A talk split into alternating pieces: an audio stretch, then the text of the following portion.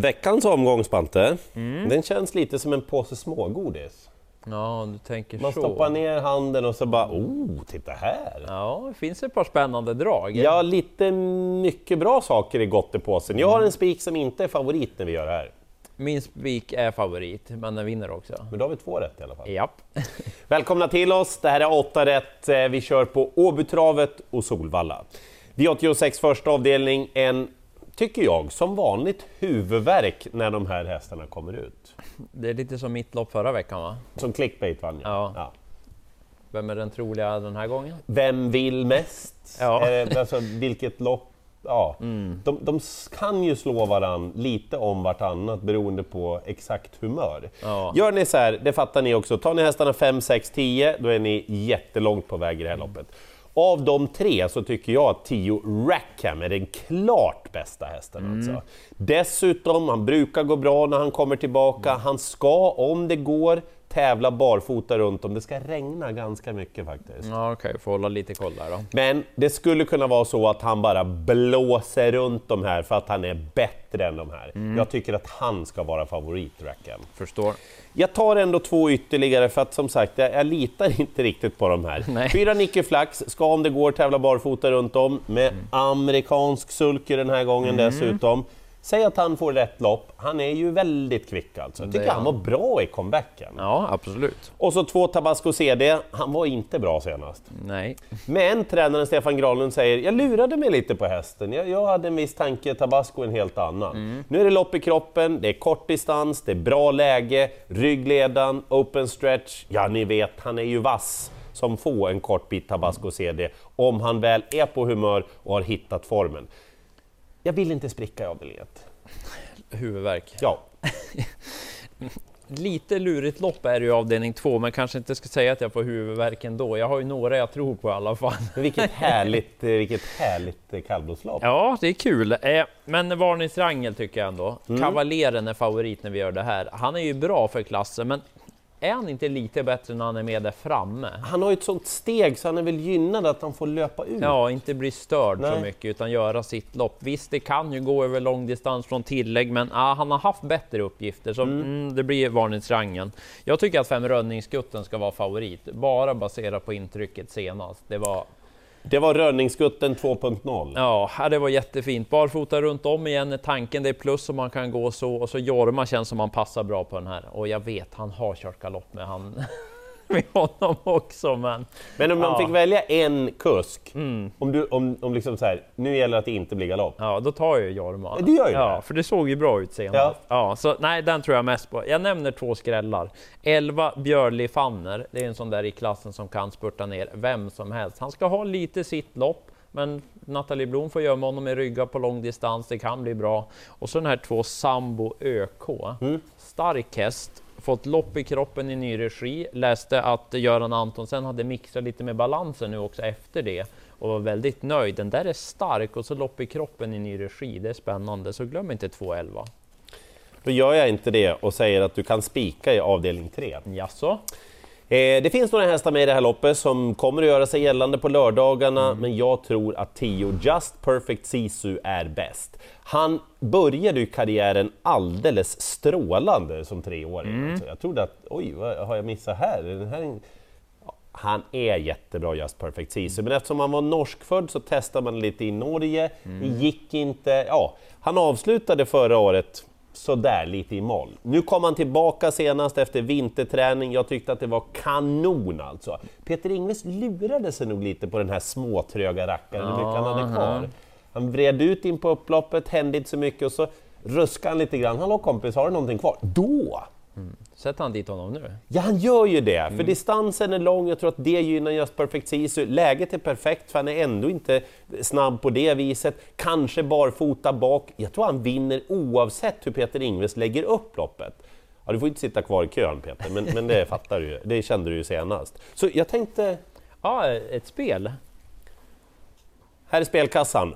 40 vinnare på Just Perfect Sisu. Det blir perfect. Det blir det. Ja. Eh, gardering sen tycker jag, men ändå okej, okay. vill man spika favoriten ett Lawrence Bocco, det är en jättefin häst. Ja. Så ja, det kanske är så enkelt, den vinner. Håller ledningen, funkar på nya balansen och så var loppet slut. Men, Men? ny balans på favorit. Nej, det är ju en av mina inte riktigt. Eh, får man lägga till en grej som jag kom på nu också? Ja. Han ska ändå resa till Solvalla också, det är lite nytt. Inte alltid det funkar för alla hästar. Inte. Och så håller han ledningen. Ja, kanske, men inte helt säkert. Så att, ja, det kan vara så enkelt att han vinner. Men jag kommer ha med nummer tre, Northman Maxus. Vilken bra inställning. Alltså. Ja, det är den jag verkligen gillar hos honom. Han, liksom, han gillar att tävla. Jag hörde på Per Lennartsson i segerintervjun sist också. Han sa det just att ja, men den här är kaxig när han liksom känner att... Eh, så, han lutar sig lite på Ja, så strular för favoriten, då tror jag den där vinner. Det kan vara ett lås, men jag kommer även ha med fem Golden Crescent veckans ändring. Det kan det vara här. Om det blir barfota runt om, för den är anmäld så, jag läst i travronden också att Stefan Melander har sagt att ja, men det verkar vara planen. Så att eh, spännande om det blir barfota. Gick ganska okej okay senast, finare än vann och så första barfota runt om. Ja, jag kommer ha tre hästar. Du, jag ser att eh, Golden Crescents brorsa står här ute. Jaha, ett tecken kanske? Eller hur? Ska vi fråga om han vet om brorsan ska gå barfota? Ja. Kanske inte vet det, men kanske om han har fått något telepatiskt om man tänker vinna på onsdag. Ja, ja, får kolla. Sen. Vi går vidare då och konstaterar att favoriten Västerbo Tramp är det verkligen inga fel på. Han är väldigt stark, han har utvecklats väldigt mycket, men jag fastnade lite vid det som Konrad Lugauer sa efter senaste segern. Mm. Han är väldigt bra, han är stark, men han sa det blir tuffare när de andra tar av skor, de, de kan springa lite fortare när vädret mm. blir varmare. Det blir alltid lite mer problematiskt för sådana som Västerbo Tramp. Då. Ja, lite mer sårbart. Ja. Han ska vara favorit, vill ni så kan ni säkert spika, men jag tänker gardera den här gången. För tre Aramis Face, vill du prata om den? Ja, jag vet inte, vill jag det? Jag tror oftast på honom, men han vinner inte lika ofta. Men han det... har läget nu, mm. han har ett lopp i kroppen. Tyckte han ändå gick bra. Ja, jo, det måste det var ändå Under Armour som vann den gången. Mm.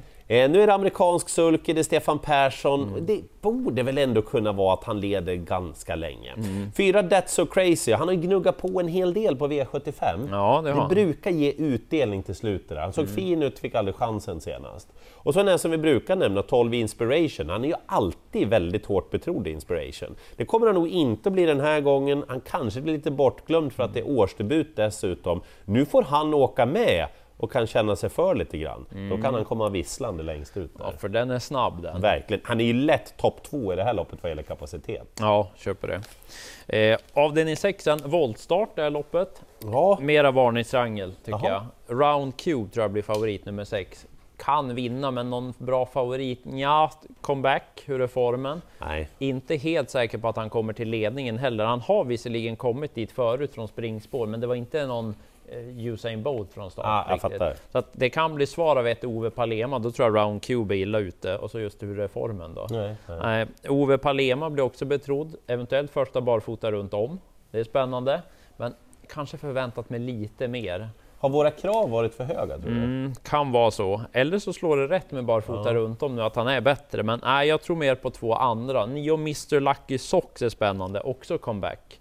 Men jag ja. ser han står rätt bra inne i det här loppet. Du. Ja, mm. just det, Solvalla-serien det här. Ja, stängt vid 350 000, han tjänar 346, så han får nog bara en chans att vara med i ett sånt här lopp. Så att eh, borde vara bra direkt, anmäld med optimal balans, var bra på V75 i fjol. Och så 12 Strängnäs Palema, bättre än raden, säger man vissa hästar. Jag tror att det var många som flaggade honom. Ja, det var ett härligt intryck och det strulade gången före också så att kanske åker fram utvändigt, nu var jag bäst. Ja. Han skulle kunna vara det, så att 9 och 12 måste med.